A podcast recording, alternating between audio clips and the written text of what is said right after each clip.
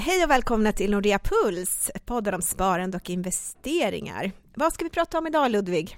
Idag är det dags för månadens bok igen, detta koncept vi har i podden och då ska vi prata med Jakob Bursell och om hans bok Risk. Så eh, det blir det idag. Vad tror du om det Erika? Det låter väldigt spännande så jag tycker att vi kör igång. Ja, idag har vi alltså med oss eh, Jakob Bursell. Eh, välkommen hit. Tack så mycket.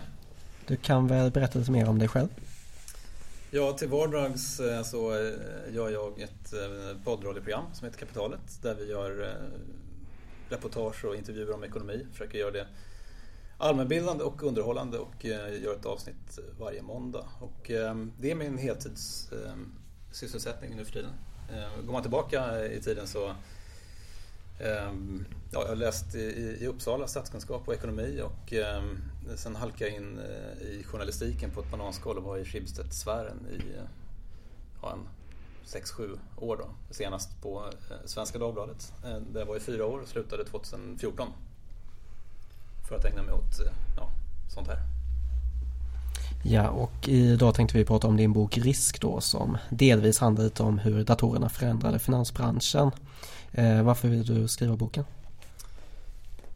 Ja, nej men, um, under, under de sista åren på tidningen så på något vänster hade jag börjat intressera mig för hur ehm, börsindustrin utvecklades. Så att jag hade börjat få samla på mig lite kunskap om börsens historia och utveckling. Och det tyckte jag var ett spännande ämne i sig. Då. Ehm, och, och, det skulle kunna bli, tänkte jag då, bra liksom så makro perspektiv på en bok. Eh, men den riktiga, liksom, den utlösande faktorn var då, eh, kan man väl säga, ett reportage i Affärsvärlden 2009 där Lotta Dinkelspiel, eh, journalisten, berättade om det här ja, hemlighetsfulla företag som heter Pan Capital och de hade tjänat otroligt mycket pengar på, på ja, datoriserad aktiehandel och jag hade inte hört talas om det där tidigare och många andra hade inte gjort det heller och, och, trots att de tjänade, vad var det, kanske 40 miljoner per anställd efter skatt. Så det var något ohyggligt, eh, ett ohyggligt framgångsrikt företag. Eh, så det var ju väldigt fascinerande. Plus att de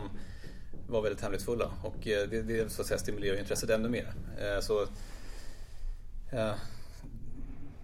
det där var en idé som, som liksom fastnade och ett, ett par år senare så, så när jag blev sugen på att göra något annat så, så dök den upp, idén upp igen då, så, så blev det så helt enkelt. Eh, det blev en bok om, om Pan Capital eh, och deras grundare och med det här eh, makroperspektivet om börsens utveckling i bakgrunden.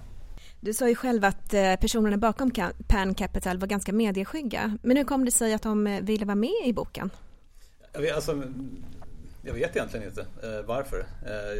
Den frågan har jag fått förut. Och, Ja, min, min, gissning är väl att eh, 2012 så höll de på att eh, skala ner verksamheten i Stockholm. Eh, de hade hållit på länge och, så att det kanske var något slags bokslut. Eh, jag tror också att det finns ett inslag av att man vill inspirera andra och, och eh, inspirera andra genom att berätta sin, sin historia. Ehm, ehm, ja, något, något sånt kanske.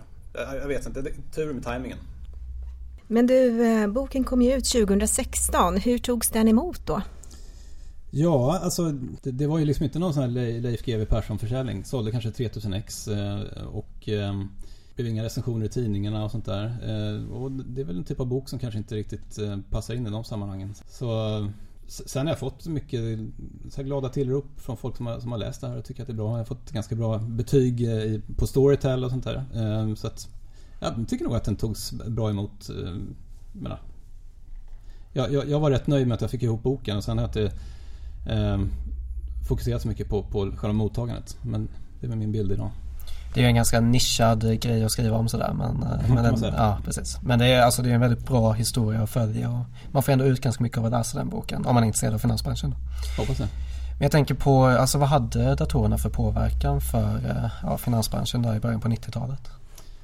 Ja, men det, det, går ju inte riktigt att, att eh, överdriva datorernas betydelse. Men det hade ju börjat långt, långt tidigare när datorerna började nästlas in liksom överallt. Men eh, de riktigt stora förändringarna kom ju först i slutet av 80-talet, början av 90-talet när först börserna blev eh, datoriserade och man kopplade samman ehm, mäklarhusen och sen kopplade slutkunderna, alltså privatsparare och, och institutioner in mot mäklarhusen och då började allting sitta ihop. Och det man fick var en, en, en jättestor prispress och eh, mer eh, transparens och, och eh, så, så, att allting förändrades. På, på ja, det tog, tog, inte en natt liksom men det gick när man ser tillbaka på det väldigt fort. Och eh, jag tror att de flesta skulle nog säga att det förändrades åt det positiva hållet. Du skriver i boken att det kanske borde ha fått en större effekt på mäklaryrket och eh, människorna i branschen än vad det fick. Ehm, hur ser du på den branschen idag? Jag tänker på mäklaryrket. Ja, alltså det tråkiga svaret är att jag egentligen inte har något bra svar. Eh, för att eh, jag har inte följt branschens utveckling så nära under senare år. Det var ett, menar, närmast ett, ett intresse om man går tillbaka ett, ett, ett par år. Ehm, men däremot så kan man väl, eh, jag vet inte, gissa om, om det nu tillför någonting att det har fortsatt ungefär i samma riktning som man hade då, nämligen att eh, ehm, det är stora nya regelverk som träder i kraft vilket påverkar alla aktörer. Ehm, och eh, ren exekvering, att göra aktieaffärer har på något sätt blivit någon stapelvara som man går till någon stor bank och, och köper helt enkelt.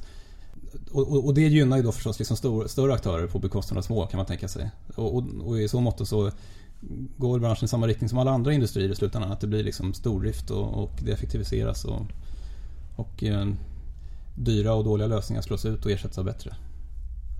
Men, men, men som sagt, jag, jag, jag har ingen detaljkoll längre. Och vad var de största effekterna just då på, på människor i branschen tänker jag? Ja, men man har ju sett att väldigt många människor som ägnade sig åt den faktiska handeln har ju fått byta jobb eller slutat jobba med, med finans. Så, så det är väl, en, menar, det är väl en, kanske den tydligaste effekten.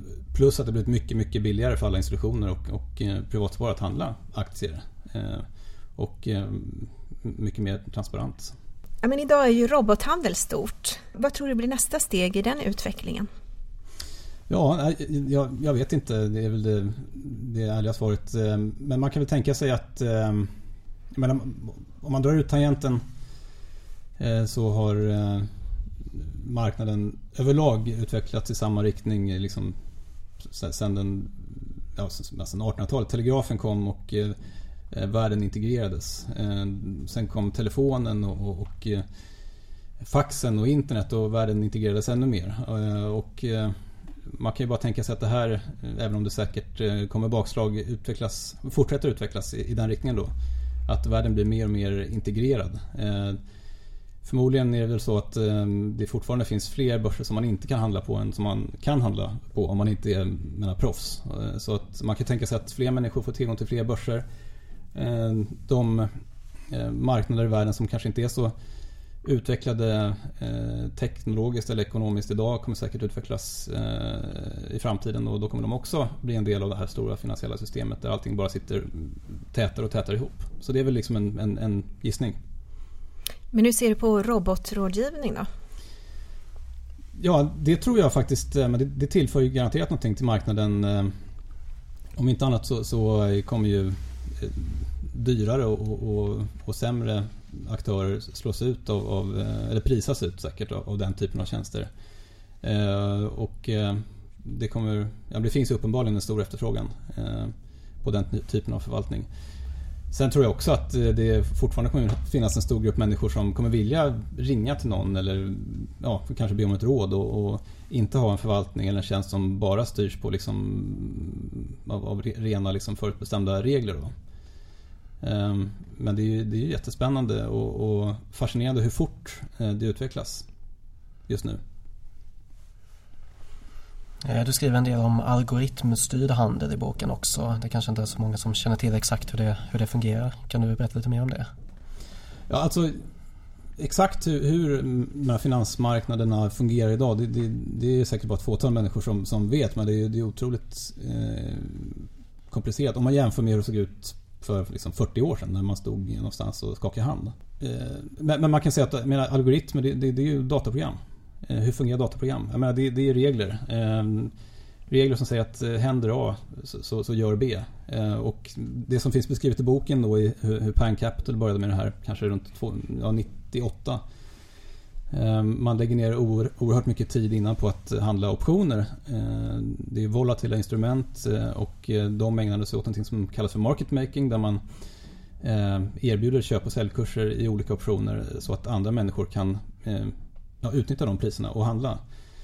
Eh, men så fort eh, det händer saker i marknaden och priserna på underliggande instrument eh, förändras så måste man uppdatera de priser som man har erbjudit. Annars, så kan man, ja, annars riskerar det att bli dyrt. Och det här gjorde man helt enkelt manuellt genom att Ja, först så ringde man ju till, till, till, börserna. Men det man, det man då gjorde, det Pank Capital gjorde var att ut, utveckla program då som automatiskt så fort det hände saker i de underliggande marknaderna, så fort priserna på, på aktier förändrades så drog man bort eh, de priserna som man hade erbjudit i optionsmarknaden och uppdaterade dem med nya helt enkelt. Så det är ju väldigt liksom, klassiskt exempel på vad algoritmer eh, kunde göra på den tiden. Eh, det finns också beskrivet i boken hur de utvecklade program som automatiskt eh, eh arbitrerade A, A och B-aktier. Alltså röststarka aktier mot vanliga aktier.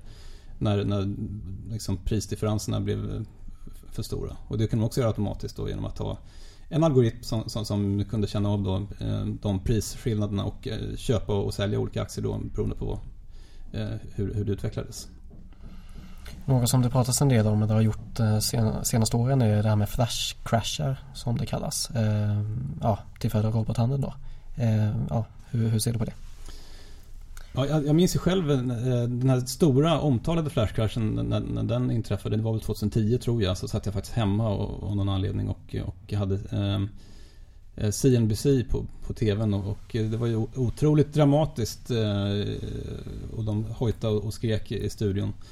Eh, och det är klart, liksom, det är inte bra för, för, för förtroendet för marknaden om, eh, om någonting, priset på någonting halveras en sekund och, sen är tillbaka på, på liksom noll igen eh, en sekund senare. Är det det som är en flash crash?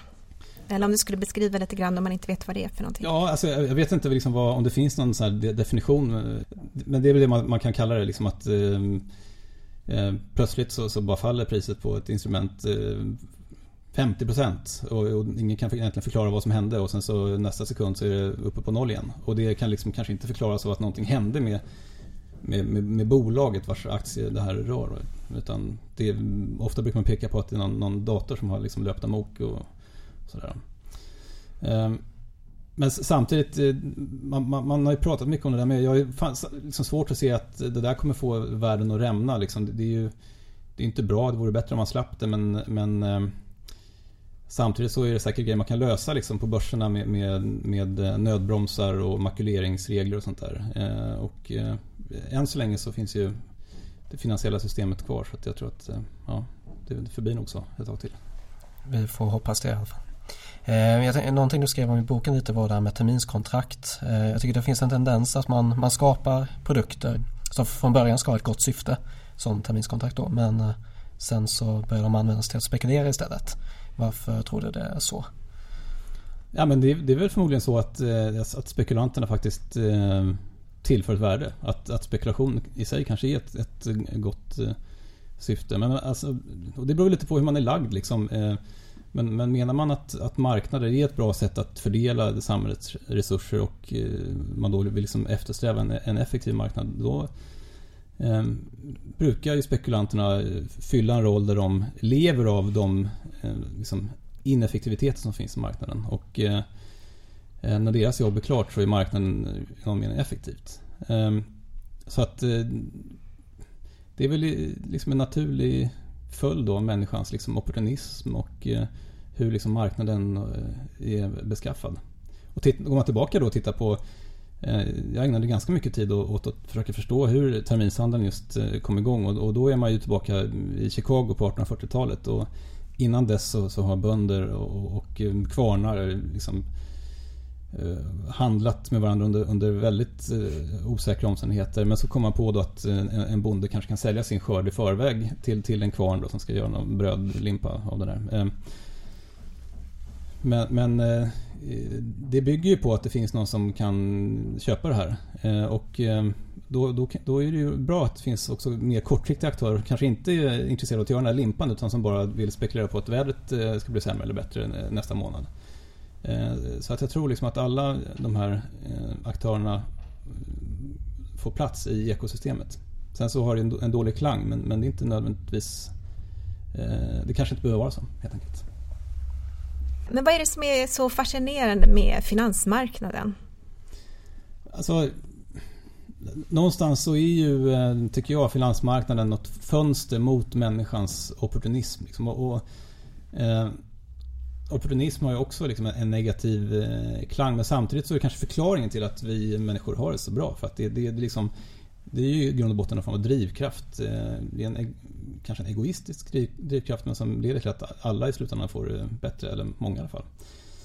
Ehm, och jag tycker det här, det här slår liksom aldrig fel. Att så fort det, det, det händer någonting, man, man gör ett nytt, liksom, en ny teknologisk landvinning så är det antingen eh, militären eller finansmarknaden som är där först för att liksom slå mynt av det här.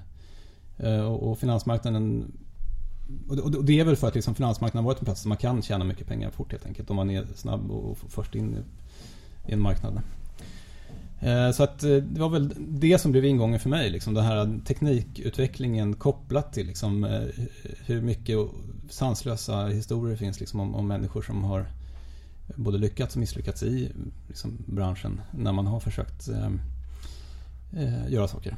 Har du något exempel på någon som du så här, eh, tänker extra på? Ja, men det finns ju alltså, det finns absolut hur mycket som helst. Eh, men jag menar, ett klassiskt exempel är en eh, hedgefond och long term capital management eh, som, som, dyker upp på, på 90-talet som, är uppbackat av liksom de smartaste hjärnorna i, i, i världen, Nobelpristagare i ekonomi. Och, och eh, det är eh, liksom en tid där man verkligen tror på, på liksom möjligheten att eh, eh, slå mynt av, av eh, eh, matematiken. Liksom. Att, att utnyttja teorierna för att eh, göra affärer eh, i allsköns konstiga instrument. Och sen så går allt det här liksom åt pipan och det blir en enorm bailout. Wall Street tvingas köpa ut eh, resten och det är miljardbelopp går förlorade.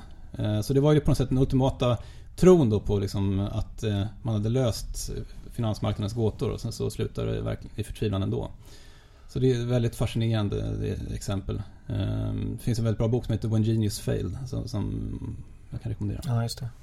Ehm, ja, och sen så känns det som att historien upprepar sig med, med jämna mellanrum också. Var, var, varför är det så? Ja, ja eh, säg det. Eh, men det ligger väl, menar, tittar man tillbaka i, historien så verkar det uppenbarligen ligga i människans natur. Att eh, ehm, alla springer åt ett håll så långt det går men, men, men sen eh, när man märker att det inte längre går så springer alla åt andra hållet. Och, eh, jag, jag, tror att det är liksom det, det, är bara så eh, vi människor fungerar när vi agerar i grupp. Vare sig man gillar det eller inte. Men du, vad överraskade dig mest eh, när du skrev boken? Dels blev jag överraskad hur svårt det var att skriva en, en bok och, och hur jobbigt det var. Men, men annars är det...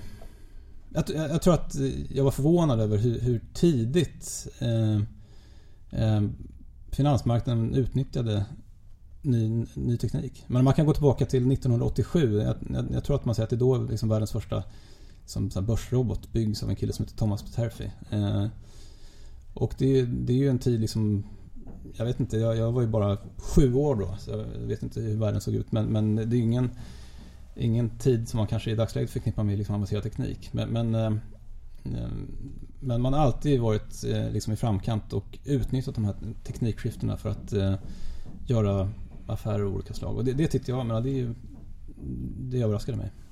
Mm, tillbaka till dig själv lite då. Du har ju ganska så här brett eh, ekonomi och eh, investeringsintresse. Hur blir man, eller hur, hur blir man mer allmänbildad kring de här grejerna och varför, varför har du det här intresset? Varifrån intresset kommer vet jag inte. Jag tycker bara att eh, det är kul med ekonomi. Eh, och eh, det är kul på något liksom mer generellt plan med, med finansmarknaden och, eh, och jag gillar historia också. Ehm, sen är jag inte särskilt liksom ehm, specialiserad på något område. Liksom, jag, skulle inte säga att jag är riktigt, riktigt, riktigt kunnig inom något specifikt område. Ehm, utan jag är nog mer generell. Eh, och det är kanske är så som jag är lagd. Men jag menar, Tycker man sånt här är kul, det finns ju hur mycket som helst att läsa. Det finns eh, framförallt i amerikansk litteratur, det finns ju otroligt mycket bra och roliga böcker om just eh, ekonomi och finansmarknader. Eh, som man kan lära sig enormt mycket av. Eh, Så att eh, vill man, vill man göra det så kan jag varmt rekommendera att bara gå in på Amazon och köpa saker. Är det så du själv håller dig uppdaterad? Ja, absolut. Eh, jag menar, en bra bok blir aldrig gammal på något sätt och det finns ju ofta långlivade sanningar där. Just nu är jag småbarnspappa då så att jag hinner inte läsa så mycket alls men, men annars så skulle jag nog föredra att läsa en, en, en bok då framför någon, någon, någon nyhet faktiskt. Om du ska ge tre boktips om man är intresserad av finansbranschens historia sådär. Förutom Why Genius Fail. Och din egna bok också, ja, förutom precis. den. Ja. Nej men, men det finns ju, det är svårt. Eh, jag har några personliga favoriter. Det, det ena är då Mike, Michael Lewis första bok eh, som heter Larry's Poker. Eh, som handlar om hur han kommer in i obligationsmarknaden i slutet av 80-talet. Och det är väldigt rolig liksom och, och lättillgänglig och dråplig. Och, ja, man, man, får verkligen liksom en, en, ganska bra förståelse för hur världen såg ut då. Sen skulle jag kunna rekommendera mm, en bok som heter Barbarians at the Gate. Som också, det är också 80-tal och eh, USA, New York och eh, eh det är eh, ett av, eh, om jag inte minns fel nu så är det ett av liksom de här riktigt, riktigt stora riskkapitalutköpen där ledningen i ett bolag som heter Nabisco försöker liksom köpa ut bolag från aktieägarna. Och det, det är en det är en finansthriller då som, som verkligen ja, ja, man var inte med och vet inte vad som är sant men, men det, den, där vill man ju på något sätt verkligen eh, fånga den exempellösa girigheten då eh, på, på, Wall Street. Men är väldigt fascinerande. Och eh, den, en tredje bok, då är vi faktiskt tillbaka hos Michael Lewis eh, och Big Short eh, som, som sedermera filmatiserades då. Eh, och filmen är minst lika bra som boken tycker jag. Och då, då, då slutar han cirkeln och tillbaka eh, i, eh, och beskriver hur, hur obligationsmarknaden packar ihop då 2007-2008. Eh, och, och, det är liksom, han, han kan som ingen annan göra ekonomi både roligt och, och begripligt. Och vad tror du man kan ta för lärdomar från de här böckerna när man ska investera själv sen då? Det är väl lite som du var inne på att eh, eh, liksom, de här grejerna upprepar sig eh, princip alltid om man ska tro på historien. Eh, och att eh, människan kommer alltid hitta på knasiga saker och det kommer alltid kosta otroligt mycket pengar. Men i slutändan så kanske världen blir ännu liksom lite, lite bättre ändå. Så det är kanske någonting jag har fått med mig. Jag tänker om vi ska ta och sammanfatta lite då. Vad är de tre viktigaste lärdomarna att ta med sig från din bok? Ja, alltså lärdomar men är man inte liksom intresserad att på något lite grund menar, mm, allmänt plan lära sig vad som hände i, mm, i mm, finansmarknaden och på börserna så att säga, under, under 80 och 90-talen så tycker jag framför allt att det är en bok om liksom personlig utveckling och entreprenörskap. Om att liksom gå sin egen väg och gå mot eh, strömmen. För det tycker jag Pan Capitals berättelse handlar om då. Så att eh, jag tycker det, handlar om att eh, våga eh, göra någonting som man tycker är riktigt roligt. Eh, det handlar om att ehm, gör man någonting tillräckligt länge och tillräckligt intensivt så blir man framgångsrik i slutändan. Um, och um, ja, vad ska tredje lärdomen vara? Jag vet inte. ja men det är bra, det kan, det kan ja. räcka så tycker jag. Ja. ja men vi får tacka så mycket för att du kom hit då Jakob. Ja, tack för att vi kom. Och eh, som sagt så vill vi ju jättegärna ha in feedback och frågor från er som lyssnar. Så skicka gärna det till nordeapuls.nordea.se och där ska det vara ett E på slutet av puls. Eller så har vi även ett frågeformulär som ligger på Nordea Investors hemsida. Och det är alltså investor.nordea.se. Och ja, det var alltså allt vi hade för denna veckan så vi säger tack och på återhörande nästa vecka.